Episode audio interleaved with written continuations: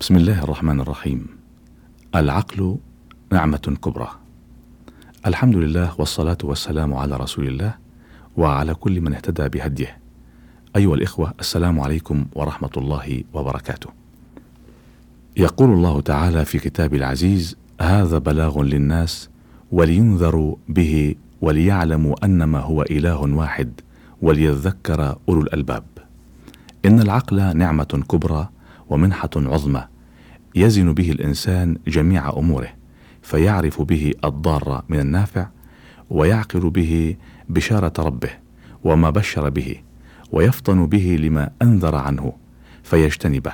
لذلك قال تعالى هذا بلاغ للناس ولينذروا به وليعلموا أنما هو إله واحد وليذكر أولو الألباب. فكم نحن نسيء إلى التذكر لأولي الألباب. قال تعالى وهذا كتاب أنزلناه مباركا ليدبروا آياته وليتذكر اولو الألباب. فكم أسند التذكر لأولي الألباب؟ قال تعالى وهذا كتاب أنزلناه مبارك ليدبروا آياته وليتذكر اولو الألباب. وهم أصحاب العقول السليمة. ومن هنا يجب الحفاظ على نعمة العقل والحذر مما يزيلها. ألا وإن مما حذر الله تعالى منه وأنذر به كل مزيل لهذه النعمة نعمة العقل والتفكير. فالمحافظة على سلامة هذا العقل ضرورية للإنسان وللإنسانية وللمسلم خاصة وإن مما يفسد هذه النعمة ويخل بها ويخلط عليها تعاطيه المسكر من أي شيء كان من خمر أو كحول أو أي مادة معصورة أو غير معصورة. قال صلى الله عليه وسلم كل مسكر خمر وكل خمر حرام. وكما يحرم الكثير يحرم القليل من المسكر. قال صلى الله عليه وسلم ما أسكر كثيره فقليله حرام. فتناول المسكر رتب الله عليها عقوبات دنيوية وأخروية ففي الدنيا ثمانون جلدة إن كان في مجتمع إسلامي يقيم ولاته حدود الله. هذا مع ما يتوقع من المفاسد بسبب سكره وزوال عقله. فقد يقتل وقد يقتل. وقد يسلب ماله أو يتلفه وهو لا يشعر. ويقع في أمه أو أخته أو من ذوات محارمه أو من سائر المحرمات عليه. فلهذا يصبح بين مجتمعه مرهوبا مخوفا من شره. فزوجته غير آمنة. وولده خائف وجاره فزع لا يتوقع منه إلا السوء.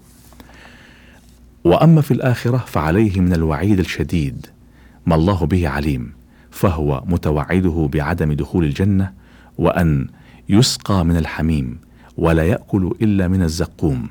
قال صلى الله عليه وسلم ثلاثة لا يدخلون الجنة مدمن خمر ومصدق بالسحر وقاطع رحم. أيها الإخوة يكفي بالعاقل زاجرا ورادعا ما ذكر الله في الخمر من الصفات السيئة والمفاسد الضارة والنتائج الوخيمة. قال تعالى يا أيها الذين آمنوا إنما الخمر والميسر والأنصاب والأزلام رجس من عمل الشيطان فاجتنبوه لعلكم تفلحون. فهذا النداء للمؤمنين اشعارا لهم بما يحملهم على المبادرة بالامتثال. ولهذا قال أصحاب رسول الله صلى الله عليه وسلم عند قوله تعالى فهل أنتم منتهون؟ قالوا انتهينا انتهينا انتهينا. فهذا ما يقتضيه الإيمان والعبودية الصادقة المعترفة بعظم سيدها الآمر والناهي لها. ومعنى رجس أي نجس ومعلوم أن العاقل يجتنب النجس الخبيث كما هو المشاهد فيما لو شم الناس في أنابيب ماء الشرب رائحة كريهة. لفزعوا إلى المسؤولين بتنقيتها وكذلك مثل هذا الأطعمة الفاسدة. فالحذر من النجس المفسد للعقول أولى بالمسلم وأجدر به مما يفسد الاجسام فصحة الجسم مرتبة على صحة العقل وهاتان الصحتان النافعتان في الدنيا والآخرة إذا استعملا في طاعة الله تعالى. وبين الله تعالى في الخمر أنه من عمل الشيطان والشيطان عدو الإنسان ومعلوم أن العدو ينبغي أن نحذر أعماله. ورتب الله تعالى الفلاح والنجاح على اجتنابها الذي فيه امتثال أمر الله تعالى. وما يترتب على الخمر والميسر وقوع العداوة والبغضاء بين الناس والصد عن ذكر الله. وأحرص ما يحرص عليه الشيطان إيجاد هذه الأمور بين المسلمين. فالخمر ما خامر العقل أي غطاه والميسر هي المغالبات التي فيها عوض من الجانبين كالمراهنة. وإلا ما كان فيه عون على توصيل توصيل إلى علم شرعي أو جهاد في سبيل الله عند بعض العلماء.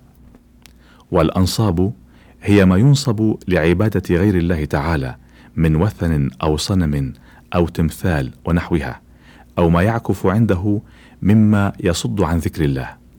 والأزلام هي التي يقتسمون بها عندما يريدون حاجة من الحوائج كسفر ونحوه. أيها المستمعون كل مسكر مغط للعقل من خمر أو غيره ملعون بعينه. وأي فائدة في من طرد عن رحمة الله تعالى وكرهه الله ورسوله. ولعن مع الخمر عدة أشخاص ذكرهم رسول الهدى صلى الله عليه وسلم لعن الخمر بعينها وشاربها وساقيها وبائعها ومبتاعها وعاصرها ومعتصرها وحاملها والمحمولة إليه وآكل ثمنها. فأي فائدة تعود على الإنسان إذا تسبب بطرده وإبعاده عن رحمة الله تعالى خالقه ومربيه. وأي فائدة يستفيدها إذا عرض نفسه للهلاك. فاحذر يا أخي المستمع تناول المسكرات من خمر وخلافها. فكل مسكر خمر وكل خمر حرام. جنبنا الله كل مكروه وهدانا وإياك إلى سواء السبيل. وصلى الله على سيدنا محمد وعلى آله وصحبه وسلم. والسلام عليكم ورحمة الله وبركاته.